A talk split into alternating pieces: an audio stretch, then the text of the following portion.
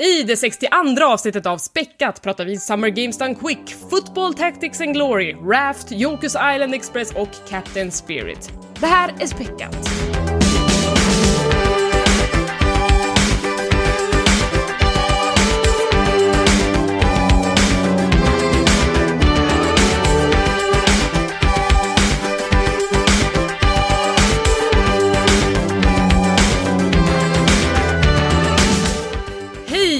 Välkomna till Späckat, en podcast om spel och allt runt omkring. Det här är avsnitt nummer 62. Jag heter Elisabeth och med mig idag har jag ingen mindre än Niklas. Tjena, tjena. Och den återvände förlorade sonen Per. Fantastiskt att ha dig med igen. Tack! Någon form av stridsrop där, jag vet inte, någon form av glädjeyttring. Fan vad länge sedan det är. Ja, för att du drog ju iväg för att rodda jättemycket Heroes of the Storm på, på LAN och sen så fick du LAN-sjukan så du har ju varit borta hur länge som helst och vi har saknat dig. Jag har saknat Vad er har också. hänt? Allting. Berätta allt. Ja. Ja, ja, vad finns det att berätta? Jag, jag, som du var inne på, jag har alltså varit iväg, jag tror jag nämnde det i ja, säkert så här, avsnitt 57, 56. Att eh, jag har ju de här åren jobbat med Heroes of the Storm och DreamHack där jag varit eh, overlay och replay ansvarig eller operatör eller vad man ska kalla det för. Och nu var det alltså en av årets största tävlingar. Jag drog iväg i 12 dagar och producera Heroes of the Storm 24 timmar om dygnet. Äta, sova, Heroes of the Storm. Eh, snorta Heroes of the Storm. Eh, eh, och eh, efter det så fick jag som sagt den berömda DreamHack-sjukan, eller LAN-sjukan. Liksom. Man blir sjuk när man åker till eh, Jönköping och träffar 20 000 eh, 12-åringar. Alltså du blir ju sjuk när du åker på typ vilken festival, konvent, whatever som helst. När man kommer i kontakt med så mycket människor, äter och så dålig mat, dricker typ inte så mycket som man borde. Ja, Alltså, gud ja. Det är samma sak när man åker på, på, på PAX, då blev ju jag sjuk på, när jag har varit på musikfestivaler så blir man sjuk. That's, that's the thing. Det är kul att du säger det här med att äta samma mat. Det finns eh, en speciell typ eh, sån här matstånd på DreamHack som alltid förekommer som är där och det heter eh, American Burger. Och det är så här, ja det är en enkel högrevshamburgare eller någonting, det är stabil. Man vet vad man får. Och den åt jag typ fyra dagar i rad. Och sen blir du sjuk. ja, precis. Man vet inte vad som var i den där början. Men ja, man, när, man, när man åker därifrån bara, nej jag vill aldrig se kött igen. Usch! nu, nu blir det sallad resten av veckan. Vegetarian for a week, at least. Hur är det med Niklas då? Jo, men det är bra. Jag har också jobbat en hel del med att titta på fotbolls-VM. Oj, vilket hårt jobb. Ja, Slit. någon måste göra det. Jag har eh, liksom försökt, det har ju gått liksom tre matcher per dag under en period. Nu har det ju tunnats ut lite mer, men jag har ju liksom till och med eh, upptäckt liksom det här nöjet med att gå ut på, på lokal och se matcherna och dricka öl. Och sett flera matcher själv faktiskt, ute på så här, sportbarer. jag berättade det för Tommy och han, sa, han tyckte att det lät så här, tragiskt att gå Ja, och sitta lite. där. Men jag tycker att det är rätt så här, nice. Det är lite som att gå, gå på bio själv. Man liksom bara sitter där och bara njuter av det som spelas upp. Ehm, Det här är jättekul. Jag har ju också följt fotbolls-VM men definitivt inte lika maniskt. Eh, måste jag fråga, vilken typ av supporter är du då? Är det sån som sitter typ och mumlar för dig själv och kritiserar? Nej fy fan vad är det där för passning?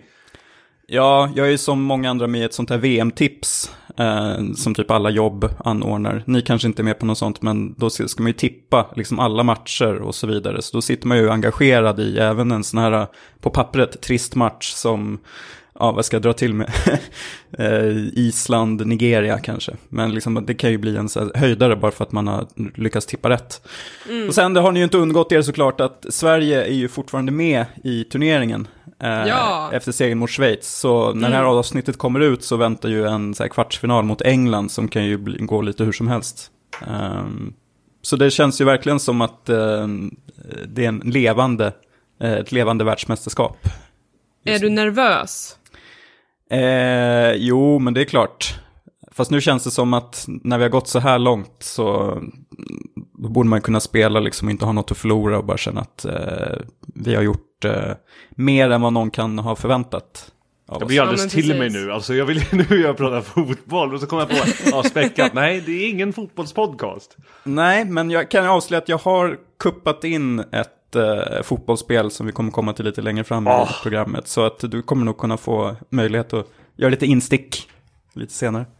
Ja, men, men jag har faktiskt också kollat lite fotbolls-VM. Det är svårt att undgå. Jag har ju verkligen inte jättemycket fotbollsintresse, men, men när liksom de på kontoret ställer upp en TV och fixar lite dricka och chips, alltså man, man dras ju med i det på något sätt, men jag sitter ju inte och är lika känslosam inför de här matcherna som, som vissa av mina kollegor är. Alltså, eh, de mår ju märkbart dåligt när det är liksom ett svettigt läge. Är du också sån, Niklas, och, och Per med för den delen? Liksom, har ni så här känslorna på utsidan när ni kollar på fotbollen?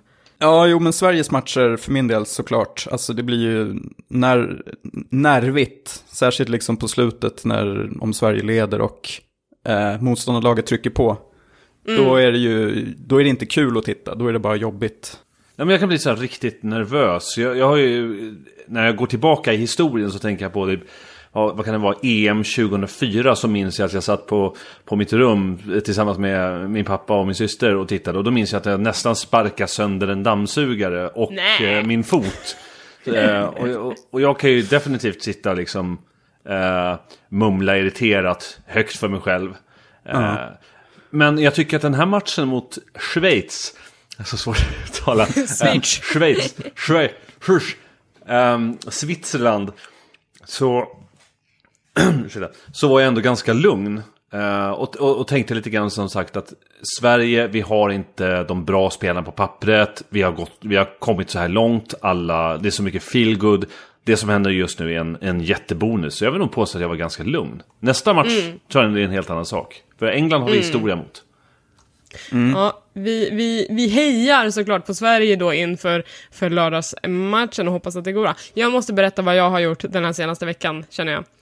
Eh, jag har bingeat tv-serier igen. Jag och Tommy pratade ju förra veckan om, om Queer Eye eh, och nu är den slut för mig så att jag var tvungen att hitta något annat och har dragits med i den här hypen runt den japanska realityserien Terrace House som finns på Netflix. Eh, och det handlar om att sex främlingar bestämmer sig för att leva i kollektiv tillsammans. Eh, och samtidigt så riktas de här, alla de här tv-kamerorna i huset mot dem och följer dem i deras vardag. Eh, och det, den är inte så skandalös, det är inte så mycket eh, fylleslag och liksom nakenvisningar eller liksom sådana grejer som det kan bli i typ Paradise Hotel och sådana där grejer. Det finns ingen tävling i det, det finns ingen utmaning, det finns inget pris som väntar på andra sidan utan det är mer så här japansk vardag med hippa ungdomar typ.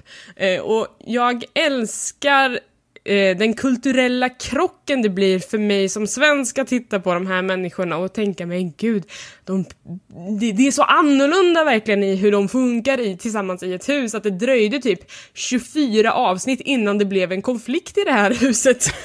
så, och, då liksom, och då handlade det typ om att någon hade snott mat i kylskåpet. Alltså det är på den, på den nivån. Och sen så ska de ju såklart försöka hitta kärleken också, så går de ut på dejter och försöker liksom närma sig varandra varandra. Eh, men det är en kärleks, kärleks ja men det finns någon slags kärleksfokus på det. Det känns Eh, som man kan inte fylla, liksom, det är inte så mycket innehåll om det inte blir bråk, tänker jag. Liksom, Nej men man- precis. Nej men det de tar ut varandra det- på dejter. Eh, och så ska de liksom försöka hitta någon som de kan, de kan bli tillsammans med. Men det är väldigt sällan det händer faktiskt. Så att ibland så, så händer det liksom att ja, de försöker på sig några dejter och det går inte så bra. Och då lämnar de huset. De väljer själva liksom att gå därifrån. Och då ersätts de med en ny person och så blir det en helt ny gruppdynamik i huset. Men varför har den här blivit upplockad av Netflix då? Är det just för, jag har lite svårt så här, ja kärleken, är det för att det här, ja, kulturkrocken är så kul att, att uppleva? Att det är så, så pass annorlunda att se sådana här reality-shower ur ett annat perspektiv? Eller? Jag tror att den här serien, eh, den, den har gått i en säsong utanför Netflix innan de plockade upp den serien och den har nog varit ganska stor i Japan som jag förstår det. Ehm, för att det är ganska kända profiler som, som verkar vara med och rodda i det här, för utanför det här huset så sitter det liksom ett rum med sex personer som, som är, kommenterar allt som händer i huset. Eh, som det klipper till lite då och då. De är liksom komiker, de är, eh, personligheter, uppträdare på olika sätt. Eh, och, och, och, de sitter ju och liksom gör sig lustiga över de här personerna, så att det, det det tillför liksom en annan dynamik i då själva tv-programmet. Eh, så att Netflix har nog plockat upp det bara för att det har varit en så otroligt lyckad och populär serie. Och sen så blir nog mervärdet, det här kulturkrocken, det är det som gör att det funkar även utomlands. Så tänker jag eh, att det kanske är. Eh, ja, den, den är fascinerande på ett sätt att det händer inte jättemycket i den, men jag är helt fast. Jag kan inte sluta och jag känner så mycket för de här personerna som bor i det här huset. Jag sitter och skriker åt tvn, man bara “She's not that into you, ge upp nu!” liksom. Hur många avsnitt har du sett? 30 stycken på... Ja, men mm, första säsongen som, som ligger ute heter Boys and Girls in the City. Den är 46 episoder, jag är kanske 30 30 episoder in. Uh, och sen så finns det två säsonger till på Netflix. En heter Aloha State, då är de i Hawaii. Och sen så finns det Opening Doors, då är de i ett hus i skogen typ. Så att jag har mycket uh, att sätta tänderna i nu under sommaren. Det låter som det. Kanske ja. ska skippa Westworld säsong två och se det här istället. Jag är redan klar med Westworld säsong två. okay. Den serien kommer jag nog göra slut med nu faktiskt för att jag eh, den passar inte mig längre. Aj, aj, aj. Men om du var en sån här riktig blast from the past så fick jag eh, tipset nu för eh, några dagar sedan när jag var hemma hos min syster för att vi skulle se fotbolls-VM och så såg jag när jag kom dit att Netflix stod på. Jag bara, ja, vad är det här för... Det var någon form av inredningsprogram. Jag bara, ja, vad är det här? Ja, det, är, det är Fab Five. Bara, va? Fab Five, det där låter, låter bekant. Kommer på att det här är så här blast from the past. Jag vet inte, minns ni Fab Five för typ 10 år sedan? Nej men, nej men Per, du har ju inte lyssnat på förra avsnittet av Späckat. Det var ju exakt det som jag och Tommy pratade om. Men, det här är en ah! reboot av Fab Five. ah, då måste jag lyssna. Busted. Oh, alltså det är, en, det är en ny femma, Fab Five, uh, som har gjort liksom en, en ny, ny start på det här, den här tv-serien. Ja, då blir det första saken jag gör direkt efter det här avsnittet och lyssna. Det här vill jag, det här vill jag sätta tänderna, jag sätta tänderna i. Gör det omedelbart. Det, det, jag, jag och Tommy var helt Jag hoppar, jag hoppar avsnittet nu.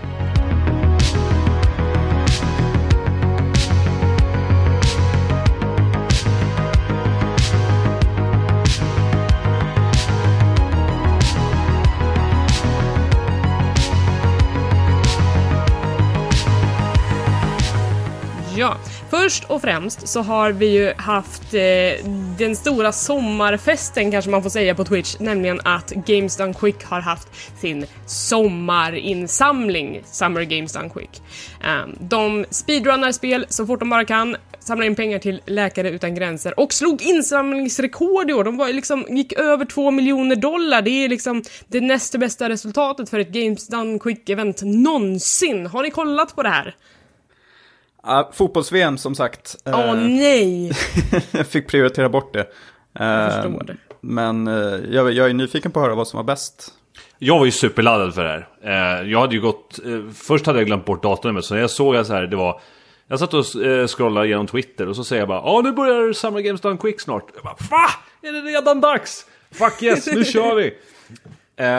och sen så har det mesta av SJDQ nästan gått mig förbi på grund av antingen jobb eller det faktum att jag inför slutspurten eh, satte mig ner inför helgen och så dog mitt internet. Under, oh, hela, under hela helgen. Katastrof! Eh, ja, speciellt om man vill se sånt här live för att jag tycker att eh, Summer Games Done Quick eller eh, Awesome Games Done Quick för den delen också, det är i princip samma, samma format.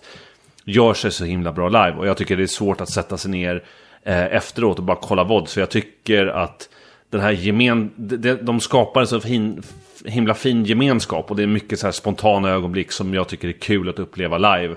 Och mm. gör att man känner sig en del av eh, det här fantastiska communityt som, som är speedrunning överlag. Eh, Men man känner också att man är med live när memes uppstår för första gången. Ja. Man, man bara, åh, jag var med när det där memet liksom uppfanns.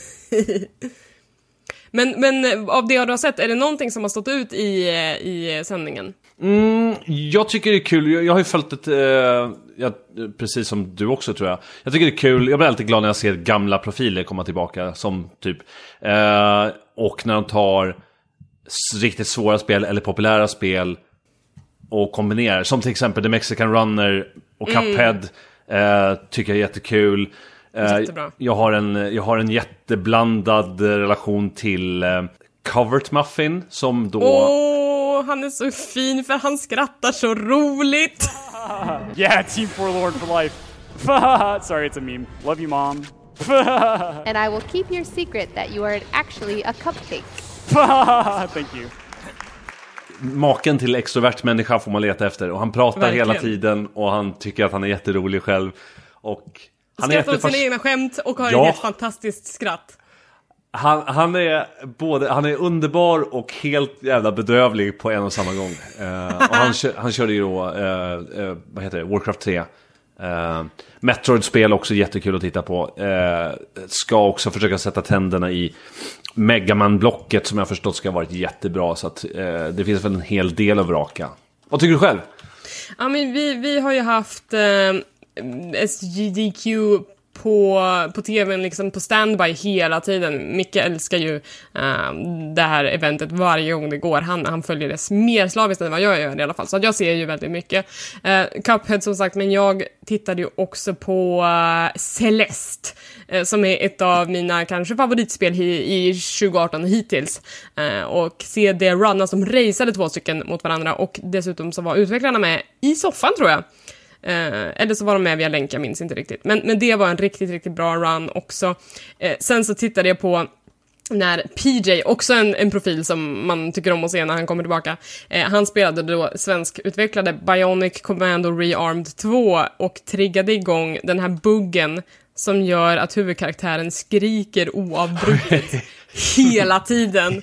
Eh, och liksom, han satte igång det så ofta han bara kunde under hela runnen och Twitch-chatten går ju banana så det bara är såhär ah! hela tiden i chatten. Alltså hysteriskt rolig run, men kanske roligare live. Eh, som, som du säger. Eh, jag hade i alla fall jätte, jätteroligt åt den runnen. M- men då var det ju inte så mycket för gameplayet som för, för the memes. Men alltså det här med memes, när du ändå, när du ändå tar upp det.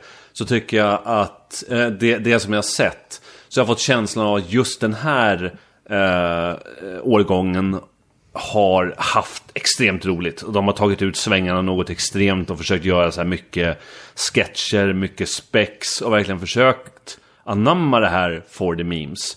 Eh, Ja men typ eh, göra en grej av han som delar ut priserna, vilket i och för sig alltid varit en grej, men jag tycker att de har lagt i femmans växel nu att han, han ska komma in på olika sätt. Han är Batman, eh, de har sångnummer när de ska presentera olika priser och det, överlag så har jag bara fått intrycket av att den här eh, 2018 har varit, ja men de har haft väldigt, väldigt kul. Ja, och det har ju varit mycket kritik mot det här eventet eftersom de har gjort ganska hårda eh, sanktioner mot Twitch-chatten. Eh, jag tror det var förra året så såg de till att, att begränsa den till att bara subs fick vara inne och skriva.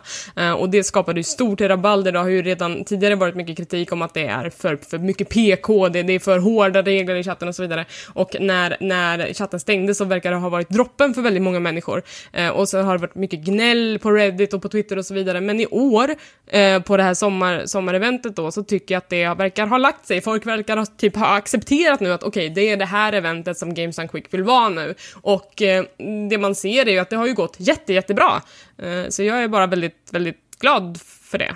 Ja, det där var ju jag lite oroad för att nu så att man i och med att ta död på, på chatten så tar man död på the meme, eh, alltså meme-kulturen för hela, hela eventet. Men, men som du säger, tvärtom. Jag tycker att, att just att de lyckades samla in så pass mycket pengar den här och faktiskt öka för eh, summer-eventen var så himla, var så himla glädjebesked som visar liksom, det är ju, det, det, det är ju fortfarande jättepoppis.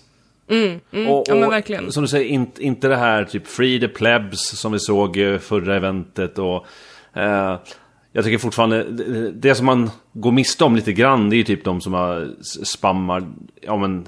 Till exempel är det jättevanligt varje gång de spelar Mario-spel eller något som helst, typ att skriva Shine Get eller insert något annat istället för, för Ja, Shine. precis. och typ reset. Men det finns några tappra själar bland betal, de betalande subscribersarna som som håller det där uppe. Så att jag, nej, det... Men dessutom så subscribar ju folk bara för att få vara med och mima. Det var ju jättemånga som rullade in under den här skrik-streamen på Bionic Commando.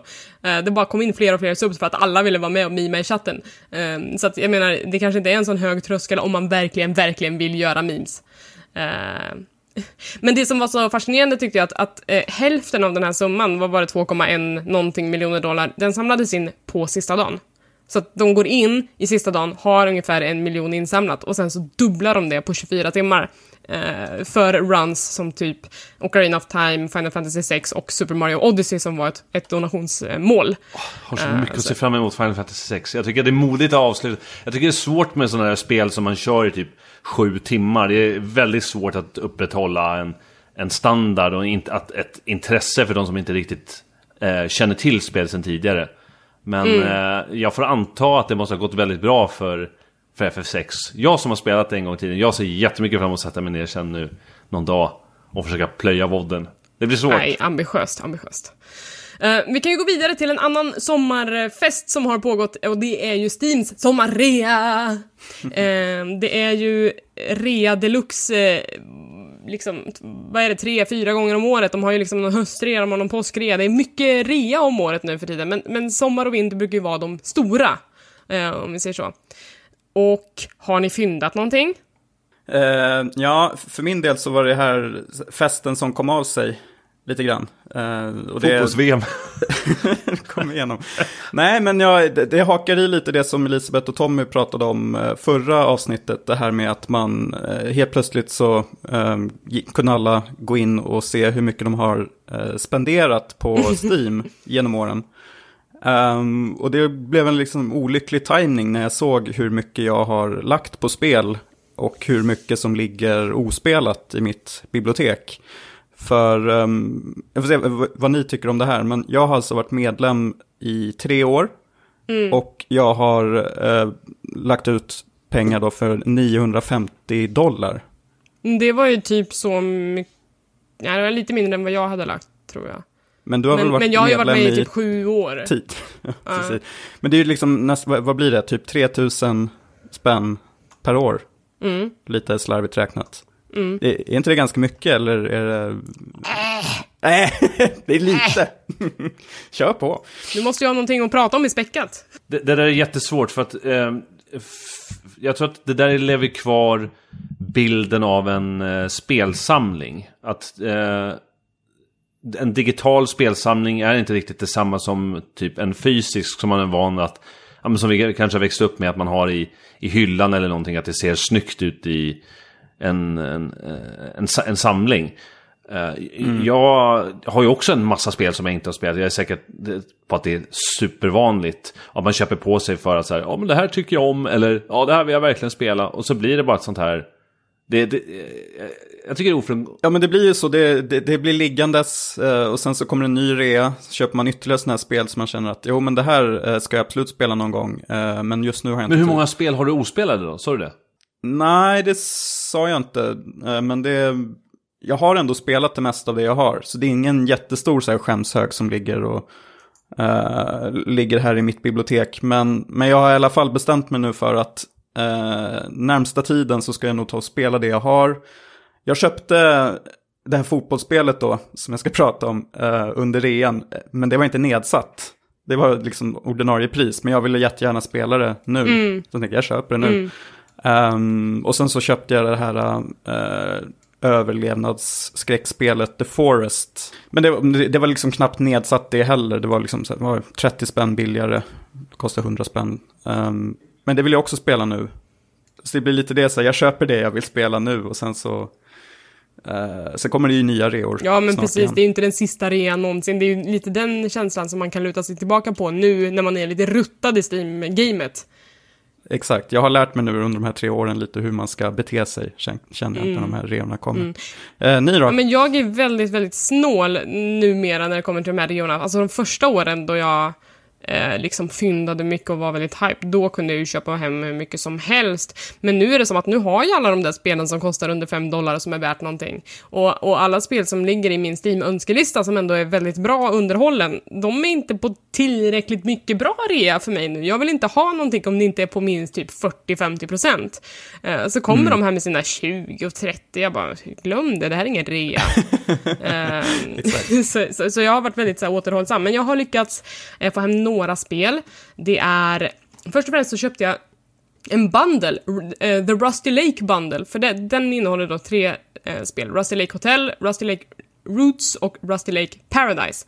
eh, som är ganska små spel, jag tror att det är typ pusselmysteriespel av något slag och finns även till mobila plattformar så att det är ganska små spel. Men, men det är många som har pratat väldigt gott om dem så att jag eh, tänkte att det här är väl ett jättebra tillfälle att, att köpa hem den för den var verkligen inte dyr alls. Um, sen köpte jag Quarantine Circular som är uppföljaren till, vad heter det då? Hjälp mig. Subsurface, Subsurface Circular. precis. Och det, det, då har det kommit liksom ett till spel i samma, samma anda. Det låg också på ett väldigt bra pris. Uh, har inte, Det är jättebra, kan jag, kan jag bara ja, vad bra, flika in för jag har inte hunnit, utan att säga jag har någonting? inte hunnit spela det än. Um, och sen så köpte jag del två av Orwell, uh, som heter Orwell Ignorance is Strength. Um, så det är mina Steam-rea-fynd just nu. Det är ju en dag kvar på rean medan vi spelar in, så vi får se om det blir någonting mer innan de uh, stänger kalaset. Per då?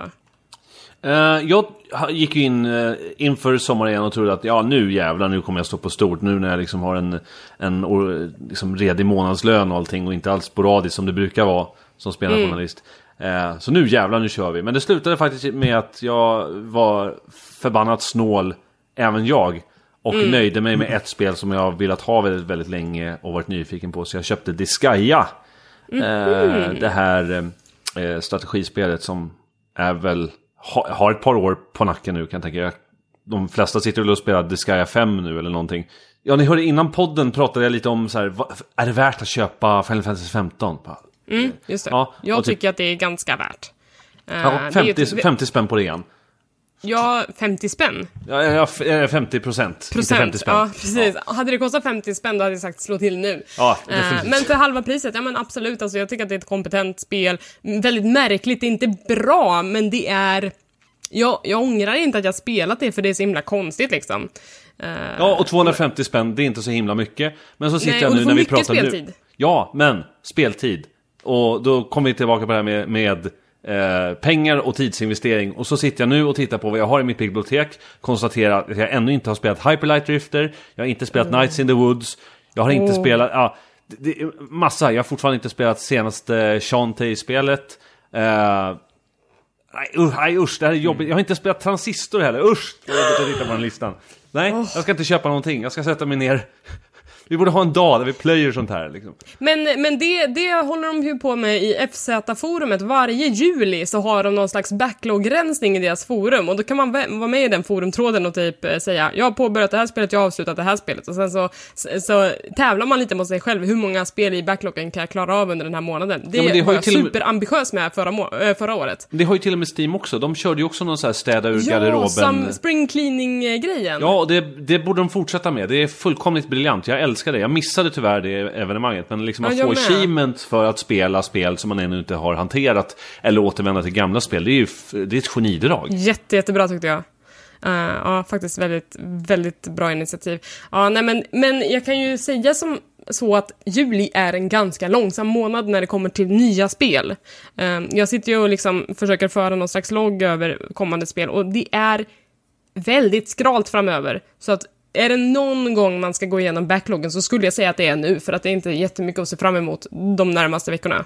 Förutom Sea of Thieves expansion. Eller Sea of Thieves. Nej Per, ingen ser fram emot det. Ingen ser fram emot det. alla, alla ser fram emot det. Alla som har spelat Sea of Thieves. Ja, okej Go- då. Goti. Ett annat spel som har fått en liten uppfräschning är Pokémon Go. Jajamän! Är det du Per som har hypat det här ganska mycket? Har jag det? Jag grindat, Ja, jag grindar det natt och dag nu faktiskt. Är det sant? Ja, jag tar det till och från arbetet under... Eh, lite kuriosa är att vi har ett par Pokémon Go-spelare på Mojang. Och jag har en hemlig grupp för det här som säger... Vi, vi, vi har ju... Eh, turen också att vi har ett eh, eh, pokestopp precis på byggnaden. Nej. Jo, så att då och då så kommer det så här meddelanden. Ja, nu är raiden uppe, det är level 4, nu kör vi! så sitter vi där med våra mobiler i hemlighet och, och raidar. Så att jag har, eh, jag har blivit en riktig Pokémon-raidare. Och, eh, Men vad är det som är nytt i den här uppdateringen som har kommit? De har ju då äntligen lagt till funktionen av att du kan byta Pokémon med varandra. Inte en dag för sent. Nej, Eh. det har man ju önskat sig sedan dag ett. i Ja, typ tre år eller hur många år det nu har gått Ja. sedan de släppte Pokémon Go. Eh, men de har också lagt till ett uh, vänsystem ihop med det här. Så att eh, du kan nu eh, eh, skaffa vänner i Pokémon Go med en viss uh, vänkod som du skickar till varandra. Eh, och via det här vänskapssystemet så byter du då Pokémon. Och jag tror att du har en vänskapslevel 1 till 5. Och ju högre level du har, desto billigare blir det att byta Pokémon med varandra. För det Kostar det kostar pengar nämligen... Nej, det kostar shards. Eh, och ja, ju högre level, desto mindre shards. Och jag tror till exempel inte att man får byta Legendary Pokémon med varandra förrän man uppnått level 5. Åh. Och för att kunna eh, öka på sin vänskapsnivå så måste man i princip byta gifts med varandra. Och gifts får man genom att snurra på Pokéstopp så får man olika presenter som man kan då eh, typ skänka till varandra och på så sätt dra upp sin nivå. Vilket är ett jättebra system för att i de här giftsen så finns det alltid high valuable items. Man får liksom Ultra Ball, Max Revive, eh, Max Oh. Potion. Så att det är inga stora valörer men fortfarande så här kalasbra. Så att jag, jag älskar det här systemet. Okej, men, men hur många vänner har du nu på Pokémon Go? Jag har inga. Jag har eh, åtta vänner tror jag. Och går ni och raidar ihop då? Kan ni, kan ni liksom snabbare komma in i raider tillsammans och sånt? Ja, inte komma in snabbare i raider men däremot... Alltså liksom, men starta liksom partyn och... Eh, du har ju fortfarande systemet av att du är i olika lag. Däremot, eh, när du drar upp din vänskapsnivå så får du bonusar för när du raidar. Till exempel att du gör, eh, ta mig inte på orden nu, men jag tror att du får typ gör mer skada eller någonting på raidbossen om du raidar ihop med dina vänner. Trots att du tillhör Oh. olika team. Eh, du får också fler eh, pokébollar om du vinner en raid. Vilket är såklart jättevärdefullt.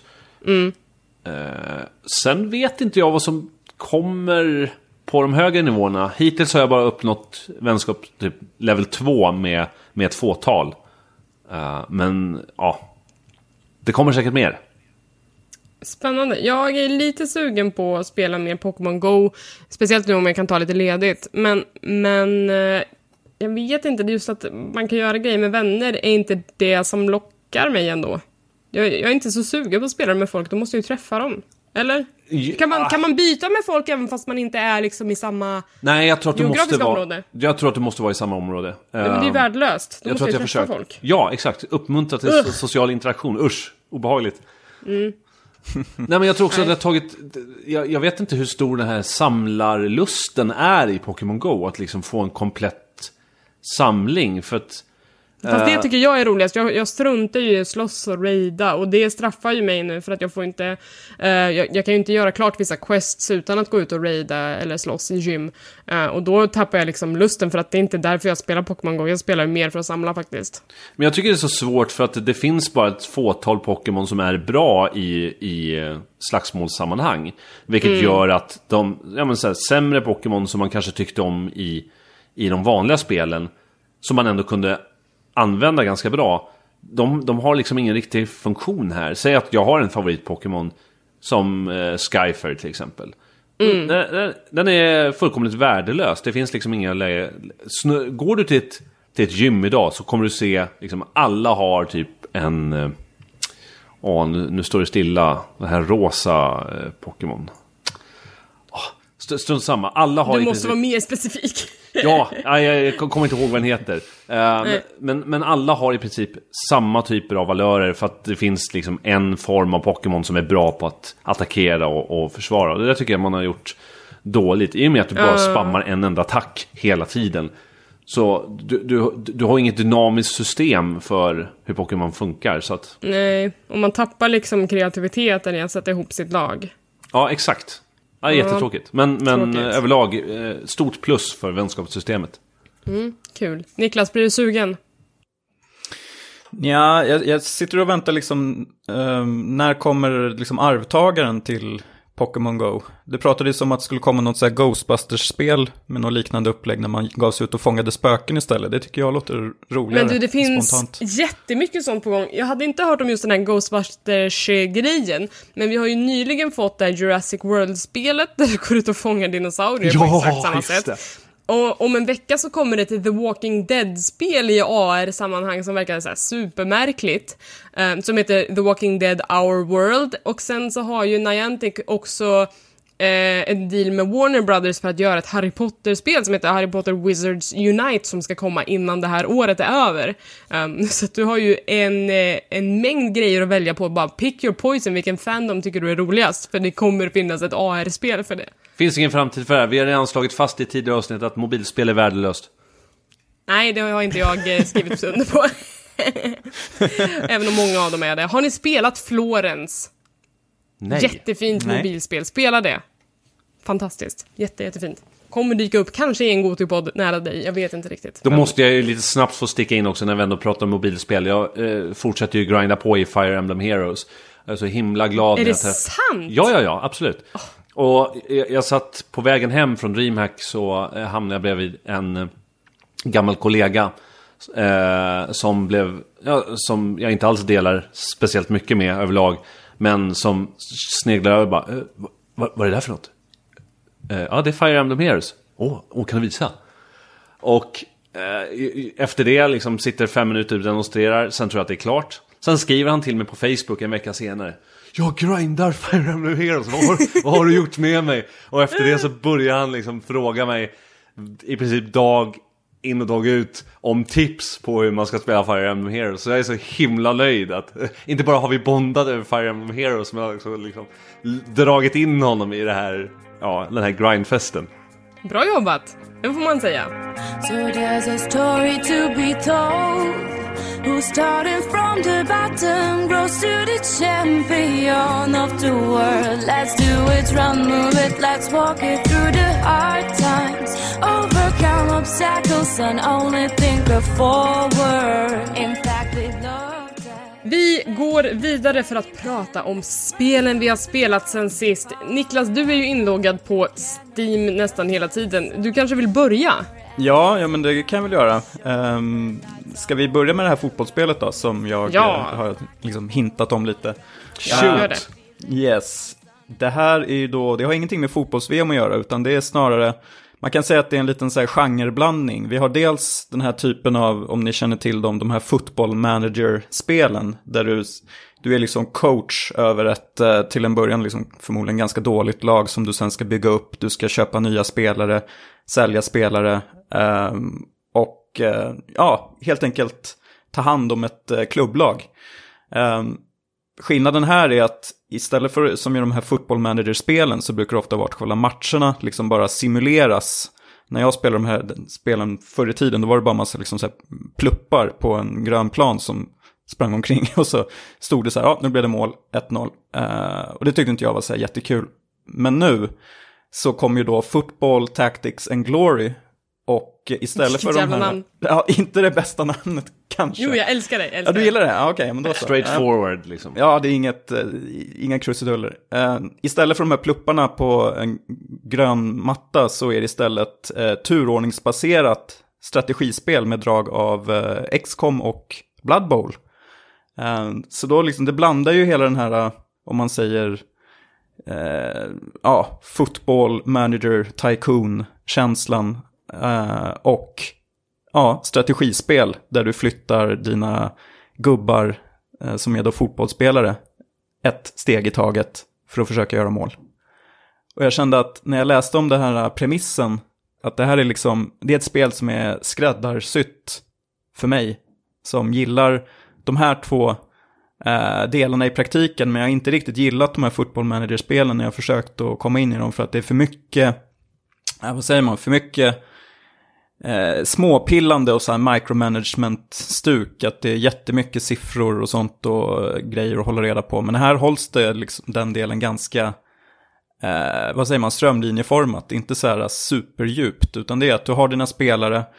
Eh, som kan få lite specialförmågor som du kan använda ute på planen. Någon kan dribbla, någon kan skjuta extra hårt och så vidare.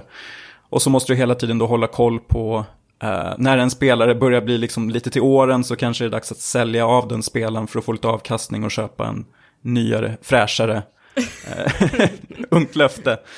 Um, och självklart i sann XCOM-anda så kan du ju då liksom döpa dina spelare. Så jag har liksom, dels har jag då skapat mitt eget eh, fotbollslag som har då blivit Hässelby Sportklubb, där jag själv spelade Oh. som ung talang. Sen har jag döpt eh, spelarna då till mina kompisar och Späckat är ju representerad också Är såklart. vi med? Är det så? Yes. Vad har vi för positioner i Vad har jag laget? för färdigheter? Av någon anledning så har alla blivit så här i backlinjen. Eh, Elisabeth har jag tyvärr sålt till Va? ett konkurrerande lag. Ja, men det var, stålarna måste in. Men eh, Per har blivit någon typ av så go-to-guy för liksom uppspel. Han har en riktigt så känslig passningsfot. Så han, eh, han startar varje match i princip. Åh, vad glad jag blir. Åh, det är helt underbart. Och det är så här, ja, och sen så... Jag är kränkt. Ja, ja men det, jag fick ju bra betalt i alla fall. så det, Nu, jag måste säga, nu, nu får jag så här, nu får jag såna härliga minnen tillbaka till när jag satt och spelade typ NHL 98 och NHL 2000. Och jag, jag hade ju, mina, mina forna drömmar som hockeymålis hade ju gått helt i kras. Så jag satt liksom dagarna ut och, och simulerade med mig själv som hockeymålvakt. Eh, liksom vann, vann. NHL. Ja, precis. Så här, Pittsburgh Penguins. Eh, det var så kul. Jag tycker det är Ja. kul att du tar upp det här med, med fotbollssimulatorer också. För jag har precis plockat upp liksom ett eh, snabb instick bara. Eh, Manager Zone som är en sån här gammal eh, online, eh, eh, online managerspel som var typ aktivt för, för tio år sedan. Och så fick jag bara känsla och såg att det fortfarande fanns kvar. Och nu har jag börjat spela det igen. Eh, från lägsta division. Håller det än idag då? Ja, ja, definitivt. Eh, men, men det här med, med, med färdigheter låter kul. Jag är jätteglad att höra att jag är en backklippa. Men eh, vad, har- du några möjligheter då att påverka matchen under matchens gång med strategiska beslut? Eh, för att undvika det här.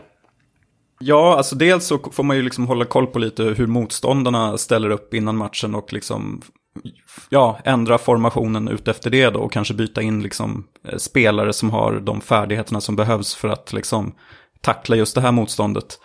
Um, så det är visst, alltså det, matcherna är väldigt korta och de är väl hyfsat simpla. Uh, men de är ändå liksom, det är just den här biten som är rolig som jag tyckte var liksom tråkig tidigare. Så det har ju blivit liksom win-win. Båda delarna är roliga och, eh, uh, och pilla med. Och sen är det ju det här som du nämnde också att man tar ju verkligen över ett, ett liksom så här amatörgäng som man sen ska föra upp till högsta divisionen. Och, ehm, och du kan också liksom bygga ut din arena för att kunna ta in mer publik och du kan utveckla din så här, eh, ungdomsakademi för att få in nya lovande spelare. Och så Ja, det är mycket- precis som Manager Zone också. Ja, ja, men jag gillar sådana här grejer. Men, men hur funkar det? För jag tycker sådana här problem, alltså som jag förstod det på dig nu så, så har du ändå den här simulationsaspekten av, av matcher.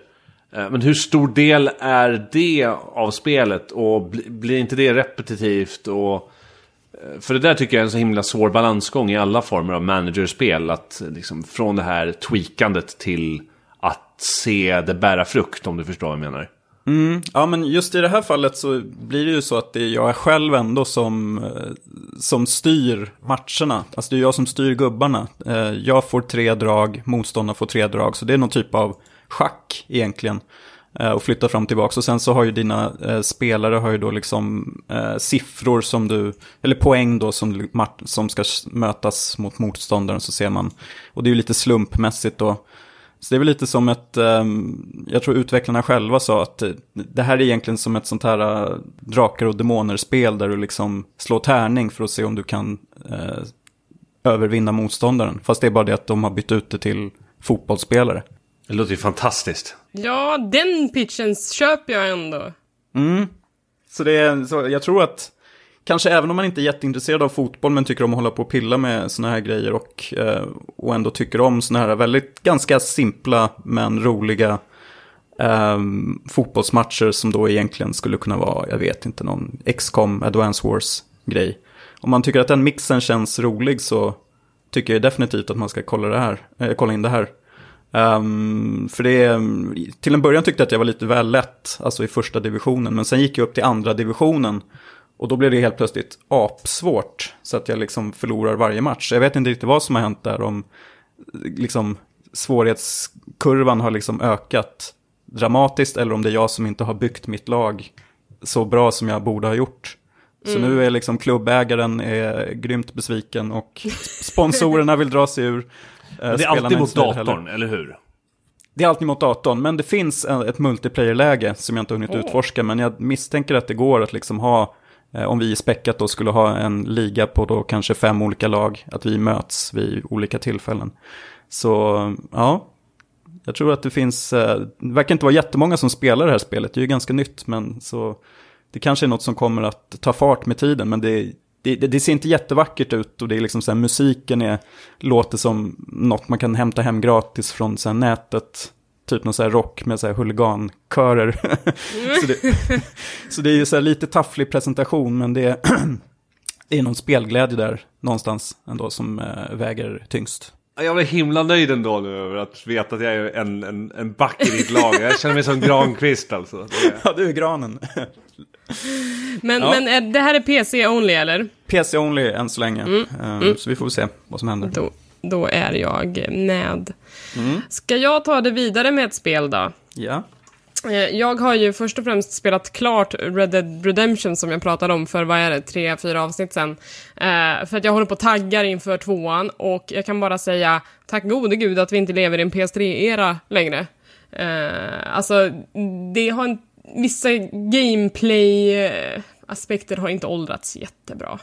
Eh, men, jag, men jag uppskattade storyn ändå, jag hade, jag hade ganska kul hela vägen igenom. Men, men nu är jag klar och jag är redo för Red Dead Redemption 2 i alla fall. Men igår spelade jag ett spel, eh, ett survival-spel i marin miljö, svenskutvecklat. Det är inte Subnautica utan ett som heter Raft. Eh, och, och det här är då ett, en lite annorlunda take på survival som jag bara gick igång på alla växlar när jag fick höra om det. Man börjar strandad mitt ute på, på havet liksom. Eh, på en liten flotte, den är två gånger två kvadratmeter. Eh, och byggd av liksom lite träplankor och några plastdunkar. Och det man gör är att man börjar ta sin lilla krok och hova in skräp som flyter förbi i havet. Och med hjälp av det här skräpet så bygger man då ut sin flotte. Eh, man bygger den så att den blir större, man börjar bygga eh, så, man, så man kan grilla fisk och, och rena vatten. För att du har ju då mätare som måste uppfyllas, det är hunger och det är törst. Eh, och sen så eh, är det en haj som, som följer efter dig hela tiden och försöker bita av välvalda delar av den här flotten. Eh, och Ja, sen ska du helt enkelt bara försöka överleva och, och expandera din flotte så mycket som möjligt och, och samla resurser. Och jag vet inte. Eh, Survival-genren är ju väldigt mättad på många sätt. Eh, och det, det är få av de här spelen som verkligen har grabbat tag i mig. Minecraft är ett av dem, Don't Starve har jag också lagt ner ett gäng timmar i. Men, men det här, det kändes helt klockrent faktiskt. Jag hade superkul eh, och vill gärna spela mer av det. Det känns ju väldigt, liksom, det, det sticker ut, känns väldigt eget i, som du säger, den här genren som är där det mesta liksom ändå påminner ganska mycket om varandra. Ja, och, och, och det är så många av de här spelen som man börjar med en helt öppen värld och bara gör vad du vill, ta dig längre och längre ut i världen. Men här handlar det mer om att du, du har den här väldigt isolerade ytan och försöker göra den mer och mer rymlig. Eh, jag, jag, uppskattar den grejen nästan mer än den här eh, väldigt, väldigt öppna världen. Men vad, vad är sidosysslan? Vi har sett som så här, du, du börjar på den här plankan, du hovar in ehm, olika material och det finns ju helt klart en kreativ aspekt av att du vill bygga en så tuff flotte som möjligt och försöka hålla dig vid liv samtidigt. Men är, är det tillräckligt eller finns det andra dimensioner i spelet som gör det intressant och ja, andra former av utmaningar? Alltså, mm, du, det finns ju liksom en, en, vad ska man säga, stege av resurser som man vill, man vill klättra upp för. Du vill ju ha liksom bättre och bättre material för att bygga bättre och bättre grejer. Eh, så på det sättet finns det ju en progression. Sen finns det ju, eller det verkar finnas något slags endgame också som jag verkligen inte har kommit till, men, men eh, man ska väl till slut då försöka kontakta civilisationen att bygga en radio, för det, man börjar, tror jag, med blueprints på en på en sändare eller en mottagare eller vad det är. Eller så plockar man upp den ur vattnet, jag kommer inte ihåg riktigt. Men, men, men där finns det något slags mål med det hela. Så att, eh, ja, det är väl inte tänkt att du ska bo på den där flotten för alltid, utan du ska väl ta dig hem igen också vid något tillfälle. Um, Ja, nej men, mm, och sen kommer du ju liksom uppgradera flottan med segel och grejer. Du börjar se- segla, och då kan du segla närmare öar och andra flottar som du, som du stöter på. Och där finns andra grejer liksom. Ehm, så att målet är väl mycket att göra sig själv självförsörjande, så att du slipper stå och hova in grejer och, och odla grejer och sådär, utan det ska ju klara sig självt eh, i slutändan. Jag, må, jag måste ju också sticka in med jag tycker, en, en liten uh, faktagrej som jag, jag tycker framförallt eh, det gör mig väldigt glad att höra att det har gått bra för Raft och att du tycker Raft är kul för det är utvecklat av Axolot Games vars, eh, vad ska man säga, eh, skapare då, Kasper Antonius. Eh, han är ju en gammal eh, spel, speljournalisträv i, i Sverige och min forna chef på Ja. Level presenterar World of Warcraft. Eh, Mentor nästan skulle jag säga och hela anledningen till att jag är där jag är idag. Så eh, jag tycker det är jättekul att det går så himla bra för, för Kasper och Axolot Games. För så, så som det, där, där han är idag. Han ville ju utveckla eh, eh, Minecraft på, på konsol. Blev ratad, vilket senare ledde till att han utvecklade Scrap Mechanic. Som gick det här lite mer eh, ingenjörsbaserade Minecraft, om man så vill. Okej. Eh, och ja, nu ser det mera Raft också. Och det har ju gått kalasbra för, eh, för Axolot, vad jag förstår. Han har en eh, roligt. tydlig kreativ vision för saker och ting. Eh, vet vad han vill. Så ja, det är superkul att höra. Jag blir jätteglad att det går bra för honom. Vad roligt att du hade den kopplingen. Alltså, när ni jobbade ihop, fanns redan då en dröm om att utveckla spel, eller? Han var ju, han var ju en, var, Kasper är en väldigt kreativ person. Uh, alltid haft liksom roliga idéer och eh, det, det är lätt att säga så här, "Ja, men han, han, är, han är en kreativ själ. Men mycket idéer överlag och jag kan totalt se att han, han är där idag, där han är. Eh, och som sagt, igen, han... Hela anledningen till att jag gav mig in i, i spelbranschen var ju att jag skrev ett, ett argt brev till, till WoW-tidningen och sa att det här är skit. Och han, och han, i princip, ja, han i princip sa, ja jättebra, vi behöver någon som kan eh, lyfta upp det här. Här, ta en chans." själv då! Ja, exakt. Här har du en chans. Och jag tänker ofta tillbaka på det där, till exempel om, om jag hade fått ett sånt där brev. Jag bara, äh, vad är det här, vad är det här för dåre? Det, det här skiter jag i. Men, men Kasper såg liksom hungern. Potentialen. Ja, exakt. Och, ja, jag blir nästan tårögd. Ja, vilken berättelse, va? Ja. Ja. Nej, men, eh, ja, jag ser fram emot att få spela mer av uh, Raft, helt klart. Um, så att, eh, testa det om ni är sugna på eh, lite survival ute på havet. Eh, Niklas, du har Jokus Island Express. Eh, Det är jag supernyfiken på. Ja, eh, då blir det mer svenskt då, för det är ju eh, skapat av Villa Gorilla, som eh, jag inte hade någon koll på sedan tidigare. Ehm, Men det här spelet, Jokus Island Express då, är ju också lite som det här fotbollsspelet jag snackade om nyss, en sån här liten genrehybrid. För det här har man ju försökt sig på då att blanda eh, Metroidvania med eh, flipperspel. Alltså den här kombinationen är så sjuk. Den är Jag så älskar sjuk. det. Funkar Eh, det? Jag ska säga ja, till största delen funkar den alldeles utmärkt. Ehm, men mycket har att göra med själva, jag ska inte säga storyn, men liksom hela presentationen och hela atmosfären i spelet. För du spelar ju som eh, Joker då, då, som är en liten dyngbagge som är så här skeppsbruten och spolas i land på en eh, ö. Och där blir han, det första som händer där är att han får bli öns nya brevbärare. För att eh, ja, den nuvarande brevbäraren, liksom postmästaren, har helt tappat passionen för arbetet. Och eh, ja, postkontoret ser för jäkligt ut. ligger massa så här, brev som inte har delats ut och försenade paket. Så det finns väl någon typ av, jag vet inte, samhällskritik här, liksom hur det ser ut i svenska Postnord. Jag har ju jobbat där själv så jag får snacka skit om det. och jag växte också upp med ett flipperspel eh, hemma. Så det känns som att det här spelet är ju liksom... Jag har också haft ett flipperspel hemma. Nu måste jag bara fråga, innan ni Ja. fortsätter, när ni säger flipperspel, ni menar inte det här som alltid följde med i eh, PC, Pinball Dreams eller vad det heter? Nej, nej, nej. Jag menar ett riktigt liksom flipperkabinett. Äkta, okej. Ja, Ehm, Min mamma fick ett kabinett i 50-årspresent och det stod hos oss i många år. Ja, okej. Vi har kvar vårt fortfarande faktiskt i Det har ni, föräldrahemmet. Så ja, ytterligare ett spel som är liksom skräddarsytt för mig. Ehm, och sen den här, um, ja, alltså han ska ju inte bara dela ut post, den här liksom eh, lilla baggen, utan det är ju också någonting om att den här ön, någon typ av uråldrig ondska håller på att vakna igen och då måste han hjälpa till då för att eh, dels, eh, ja, nå ut till folk ge- genom sin brevbärarroll men också lösa lite pussel och liknande. Och, ehm, och det gör man ju då ofta då med att man tar sig runt genom såna här, eh, vad heter det, flipprar, paddlar tror jag det kollade upp att det heter. Som, det, det liksom blandar att man åker runt på den här ön och utforskar med att det är regelrätta flippersektioner där du måste träffa vissa knappar för att öppna upp ehm, vägen vidare. Och du samlar poäng, du samlar frukt för att du ska liksom kunna köpa dig nya eh, färdigheter och så vidare. Och, eh, och framförallt hela, alltså ön känns ju lite som, det det är en sån här tropisk ö som känns som en liten blandning mellan typ Donkey Kong Country och eh, Rayman-spelen. Så det är ju väldigt somrigt, eh, väldigt gott humör.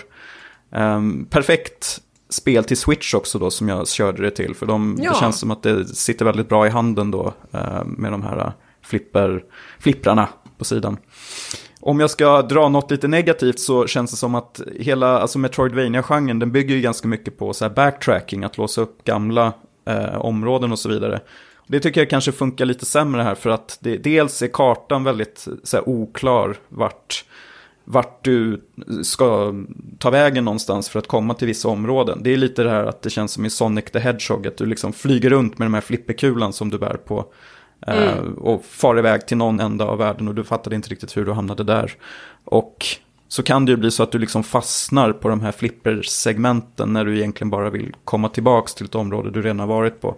Och då blir det lite så här tradigt. Det blir inte samma flyt som i, jag vet inte, ett Castlevania-spel. Eller något liknande.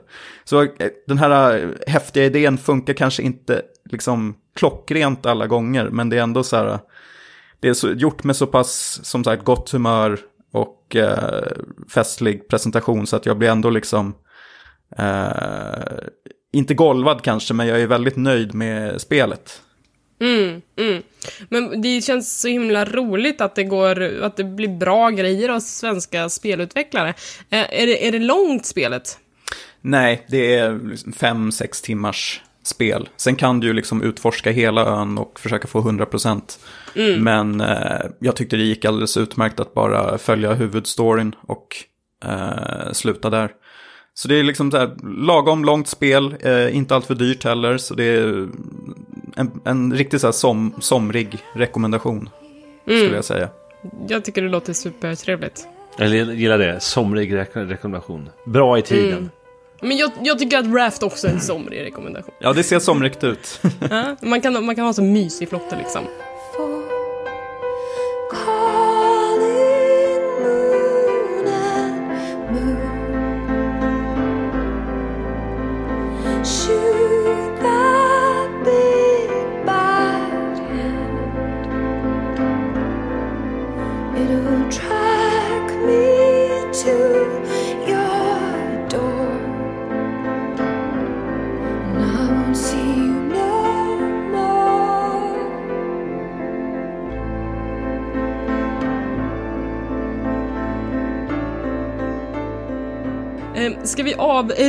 Spel som vi båda två har spelat då? Du och jag, ja. Ja, för Per har inte, du kommer inte med några nya titlar den här veckan. Eh, Fullt upptagen med att grinda senaste säsongen av Diablo. Så, ja. Ja, men, men vi hoppas att vi kanske får någonting om eh, Disgaea längre fram. Ja. Men du och jag Niklas, vi har spelat The Awesome Adventures of Captain Spirit som är en upptakt till Life is Strange 2. En liten gratis demo som man kan ladda hem till, till PC, PS4 och Xbox One just nu. Um, en liten kort berättelse i samma universum som Life is Strange men den har väldigt lite att göra med, med det första spelet eller den, det andra spelet då, Before the Storm. Uh, ny karaktär, en, en liten pojke som heter Chris som bor med ensamstående alkoholiserad far. Och jag vet inte hur mycket man ska säga om det här spelet, eh, för det är inte så himla långt och man vill inte eh, berätta för mycket om det heller, kanske. Nej, man kan väl säga så här att um, den håller ju, spelet håller ju sig i den här miljön, i det här huset. Så det, det är mest att man går runt. Men det, det är ju en så här uh, jobbig miljö för den här pojken såklart. Och då, han växlar ju då till sitt alter ego som är den här uh, Captain Spirit. För att övervinna jobbiga saker. Och det blir ju väldigt mycket att uh, eftersom pappan som sagt han, han sitter och tittar på en basketmatch och dricker öl. Så han orkar inte göra någonting och då får den här Chris då istället gå runt och göra sådana här vardagliga sysslor. Som att eh, ja, plocka ölburkar eller tvätta eller skotta. Eh, så det, alltså det är ju inte mycket till liksom så här eh, rolig gameplay, men det blir ju ändå, tycker jag, det funkar. Det finns något vemodigt i att genomföra alla de här grejerna för att man förstår ju liksom. Ett barn borde inte behöva göra eller ta ansvar för de här sakerna liksom. Nej, exakt. Det är, alltså jag, vi, jag och Tommy pratade om det här under E3-avsnittet och jag minns att jag var väldigt neggig.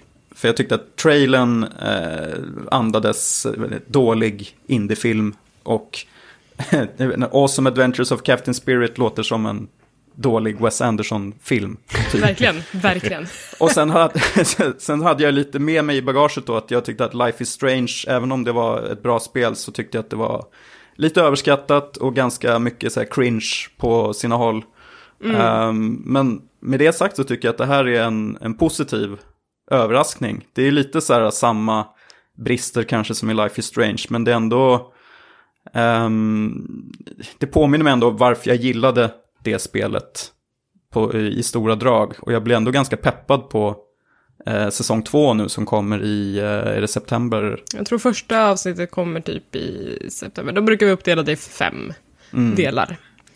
För det är ju Ja. väldigt mycket så här, de använder eh, musik på ett smart sätt. Eh, och liksom vågar, ja, man märker ju att de vill försöka få till någon typ av så en filmisk indie-känsla. Jag, jag går inte därifrån med riktigt samma upplevelse som du och jag tror att jag, mycket av det eh, förstördes för att jag klippte ihop en videorecension av spelet till P3 Spel innan jag själv fick spela spelet. Så hade jag hade sett ganska mycket av det eh, innan jag själv satte mig för att se det hela liksom kronologiskt i rätt ordning och som det ska upplevas. Eh, men för mig blev det som att jag hade hört så många personer prata om hur, hur tung den här stämningen var i spelet och hur bra man använde musiken och sen så när jag själv spelade så kändes det så jävla mycket blaj. Eh, jag tyckte inte alls att musiken drabbade så himla bra när de bara loopade samma låt tre gånger om och den började om så fort de kom till något, till någon känslig, känslomässig plats i spelet. Och man bara, ja ja, men den här låten har jag ju hört jättemånga gånger nu. Den blir inte bättre ju mer ni matar sönder den. Jag vet inte vilken låt du tänker på. Jag, Det är jag den här gillade- Sufjan Stevens-låten. Jaha, den. Ja, nej, det var den. Nej okej, det var inte just den. Jag, jag, tänkte, jag tänkte på den här Bat for Lashes-låten som, ah, okej. eh, som man, ja, man, det, det, det stället var snyggt, det, det kan jag hålla med det, om. det var det jag syftade på. Eh, Okej, okej. Ehm, och- nej men och sen att, att jag förstår ju att det här är en tragisk miljö, men den gjorde mig inte så illa till mods som den kunde ha gjort.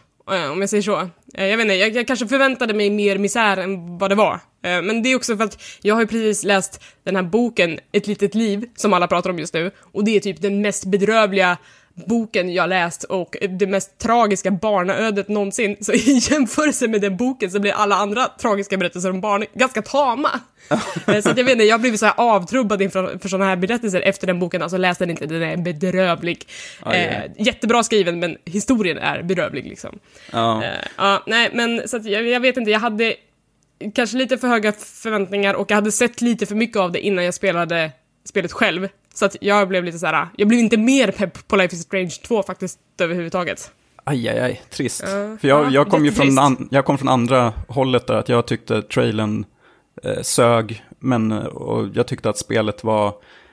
Det kändes som ett, eh, ett ämne man inte får liksom, utforska allt för ofta. Så med, är det. Liksom, så här, alkoholism i hemmet. Alltså jag tycker det touchar lite på sånt som gjorde Night in the Woods speciellt, fast det här är ju inte lika bra förstås. Eh, men lite så här mer, jag vet inte, jordnära ämnen på något Mm. sätt. Ehm, så ja, en liten positiv överraskning och just det att det är gratis och att liksom när slutscenerna då har uh, visats så kommer man ju till en länk direkt då eh, där man kan köpa Life is Strange 2. Så, Förhandsboka nu. ja, precis. Så det är ju ett, det är ju ett, eh, ett smart marknadsföringsgrepp, Mm. tycker jag. Ehm, kanske någonting man får se mer eh, längre, mm, liksom förekomma oftare i framtiden. Mm, mm. Eh, per, du, du måste ju vara den som kanske spelar det här spelet och ger det slutgiltiga utlåtandet. Nu har du Niklas som är ganska positiv, jag som är ganska negativ. Kan inte du bara spela igenom det här och säga vad du jag- tycker? Måste jag inte ha förkunskaperna för Life is Strange också, spelet Egentligen innan? inte, det är en Nej. helt ny story. Ehm, så att det det är bara att hoppa in. Det är gratis, det tar max två och en halv timme. Kör! Ja, jag kanske får göra det. Ja, om det var, var den som väger upp eh, eller får det att tippa över på andra sida. Ja. Blir du sugen när du lyssnar på det vi har sagt? Nej, jag vet inte. Eh, jag är så himla picky med, med vad jag tycker om. Och, eh, Life is Strange känns som det har varit för, förekommit i år och dagar och jag har fortfarande inte liksom velat eh, haka på eh, haka på vågen riktigt. Eh, Nej. Nej, jag är ledsen att jag är besviken. Jag tror, jag tror inte det är min kopp med te riktigt. Eh, den, den typen av spel. Och jag vet inte om jag... Jag tror nog inte det heller. Jag tror att du ska satsa på det här fotbolls Tactic Ja, Glory-spelet. jag tror, tror det också. Du kan få spela lite Raft med mig också. Ja, Kan vi bygga lätt. flotte? Det, det kan vara pepp på definitivt. Men det är, väl, det är väl helt fantastiskt att vi, vi alla har så olika approacher till spel ändå. Det får man vara glad för. Ja, absolut. Hörni, ska vi säga så för idag? Ja, Jag tycker. Ja! Är vi nöjda? Vi har pratat om allt. Vi har pratat om sommar-EM, vi har pratat om Summer Games Done Quick, Pokémon Go och vi har pratat om spelen vi har spelat. Jag tycker att det är ett helt okej avsnitt. Lite fotboll också. Heja Sverige då! Vi får, Ja. ju, vi får hoppas att, att Sverige tar hem det här nu imorgon eh, när det här avsnittet släpps.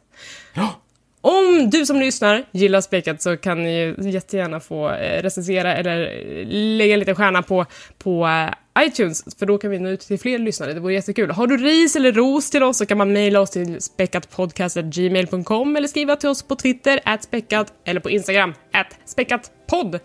Var kan man nå er? Niklas, börjar du. eh, Niklas Lundqvist, Twitter, OneLess Niklas, Instagram. Per? Mig kan du må- nå på eh, Per Landin på Twitter i ett och samma ord. Eh, jag finns ju också på Instagram. Eh, per.landin. Elisabeth. Jag heter @hangryeli på Twitter och @hangryspice på Instagram. Ehm, och det är väl allt för idag helt enkelt. Fantastiskt och kul att vara tillbaka. Tack så er. mycket för att du har lyssnat på det här avsnittet och att vi fick dela den här timmen med just dig. Och ha en trevlig helg! Hej då! Hej då!